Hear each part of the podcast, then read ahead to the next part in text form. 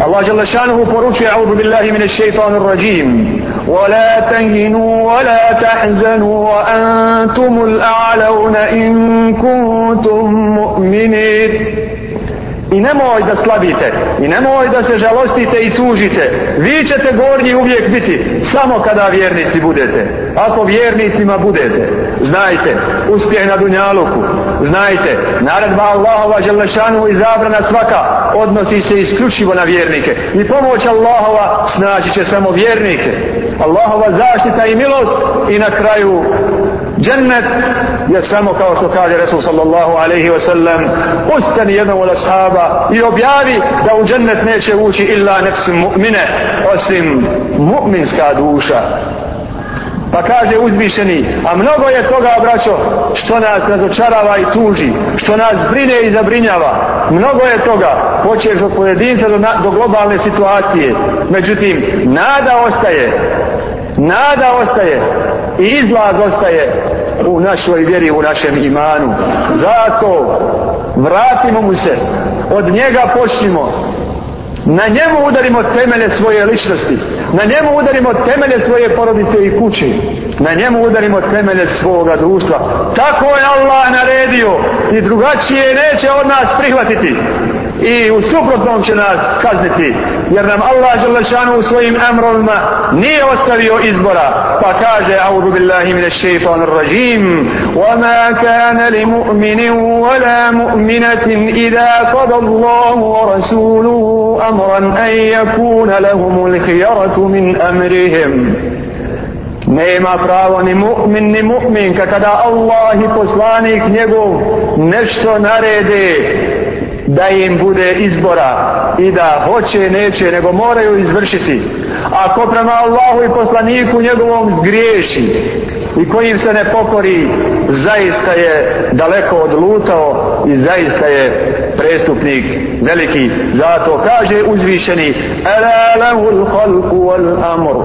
Zar nije on taj koji stvara i naređuje? Kada vam dođe neko drugi koji vas je stvorio, kada vam dođe neko drugi koji vas hrani, kada vam dođe neko drugi da vam pamet i, i svu i vi i eđel da pokoravajte mu se ali vam neće doći. To je Allah koji vas je stvorio da bi vas iskušao da bi vam naredio da bi mu se pokorili.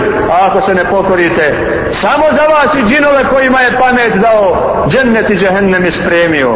Znajte vjernici znajte koji ste zadovoljni Allahom gospodarom Muhammedom sallallahu alaihi ve sellem poslanikom i islamom vjerom i Kur'anom knjigom i džennetom nagradom i džehennemom prijetnjom i muslimanima braćom.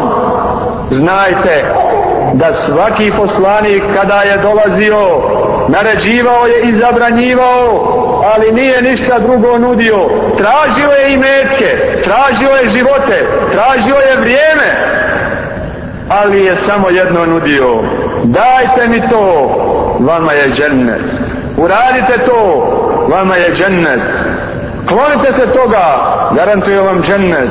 Zato vjernici teško nama i slabe li nam vjere ako jednoga dana nam džennet ne bude dovoljna inspiracija i dovoljna naknada za dijela koja činimo ne tražimo na dunjaluku ništa i ne tražimo od drugog ništa tražimo za dijela pokoravajući se Allahu Đelešanu samo džennet njegov a džennet znači istovremeno biti sačuvan od vatri.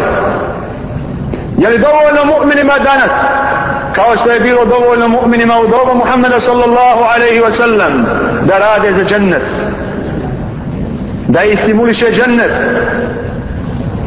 da žale kada imaju priliku da urade grije, da žale da propuste džennet, kada treba da dođu kakve bludnice dunjalučke, da im bude žao da se lišavaju vječno hurija u džennetu jer je nagrada i kazna od iste vrste.